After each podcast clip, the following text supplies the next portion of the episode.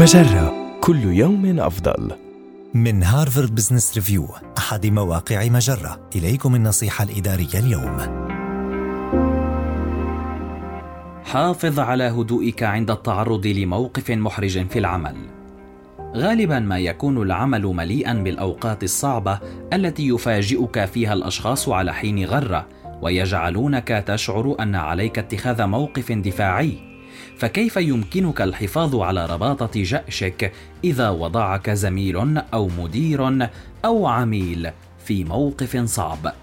بداية سلم باستجابتك البيولوجية الفورية فاحمرار الوجه أو التلعثم أو حتى البكاء.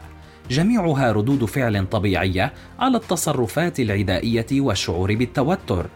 حاول تحويل تركيزك إلى ما يفكر فيه الشخص الآخر بقول شيء مثل أشكرك على مشاركة وجهة نظرك ولكنها مختلفة عن طريقة تفكيري في الموضوع فهل يمكنك أن تخبرني المزيد عما تفكر فيه؟ وفي أثناء الاستماع إلى رده خذ نفسا عميقا واضبط وضعية جسمك وصنف مشاعرك. بعد ذلك تحقق من افتراضاتك حول الشخص الآخر. إذ يمكن أن يكون هناك العديد من الأسباب التي تجعل الشخص يبدو مجادلا أو انتقادا أو غير صبور فربما يمر بيوم عصيب أو قد يكون هذا أسلوبه في التواصل.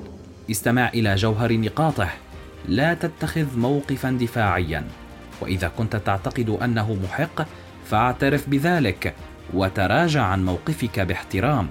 أما إذا كنت تعتقد أنه على خطأ فتجاوب وتفاعل بثقة كما لو أنك تجري مفاوضات دون غضب. إذا شعرت أنك فعلت كل ما في استطاعتك في هذه المناقشة فاختمها وأكد له أنك ستعمل على النقاط التي عرضها وستتابع معه. ثم اشكره على المناقشة وأخرج مرفوع الرأس.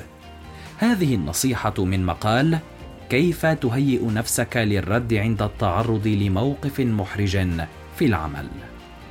النصيحة الإدارية تأتيكم من هارفارد بزنس ريفيو أحد مواقع مجرة. مصدرك الأول لأفضل محتوى عربي على الإنترنت. مجرة كل يوم أفضل.